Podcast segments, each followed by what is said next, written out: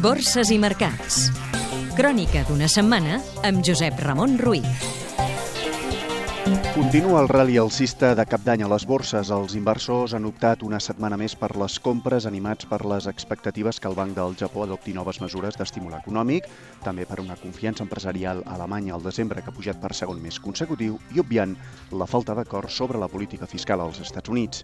Aquí, la setmana que el Tresor, en l'última subhasta de 2012, ha col·locat 3.523 milions d'euros, poc més del màxim previst, en lletres a 3 i 6 mesos i pagant menys interessos, l'IBEX 35 ha pujat un 3,2% fins als 8.291 enters amb una prima de risc instal·lada per sota dels 400 punts bàsics.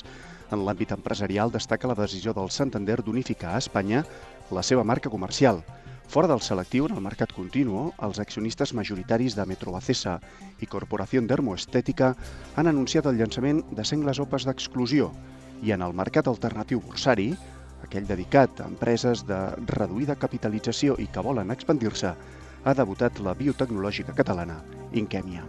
Des de l'1 de gener, l'indicador de referència de la borsa espanyola acumula, però, uns números vermells d'un 3,21%. Cotitzades catalanes. CaixaBank. Ha venut per 418 milions d'euros 439 oficines i immobles, la majoria situats a Madrid i Barcelona, a l'empresari mexicà Carlos Slim. Avertis. Ha tancat la compra per 204 milions d'euros de tres concessions d'autopistes d'Oaquela a Xile. Banc Sabadell. L'entitat que ha venut el 5% de Natra per 2 milions d'euros ha tancat l'acord per l'adquisició del negoci del Banc Mare Nostrum a Catalunya i Aragó. Miquel i Costes. La paperera ha pagat un segon dividend a compte dels resultats de 2012 de 0,10 euros per títol. Service Point Solutions. Ha tancat l'adquisició de Novum, una empresa especialitzada en serveis d'impressió digital en el mercat noruec.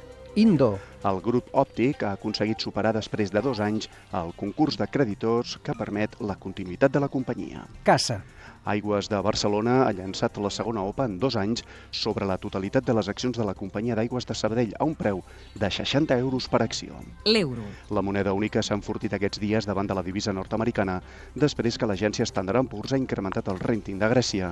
Aquest divendres el Banc Central Europeu n'ha fixat el seu canvi oficial a 1,3209 dòlars. El petroli. El preu del barril de cru tipus Brent, el de referència a Europa, s'ha mantingut estable aquesta setmana al voltant dels 109 dòlars de mitjana. Vocabulari financer. Què és una OPA d'exclusió? És una operació borsària per treure les accions d'una companyia del mercat. Els propietaris majoritaris llancen una oferta de compra als accionistes minoritaris a un preu determinat aprovat per la Comissió del Mercat de Valors per fer-se amb la totalitat del capital.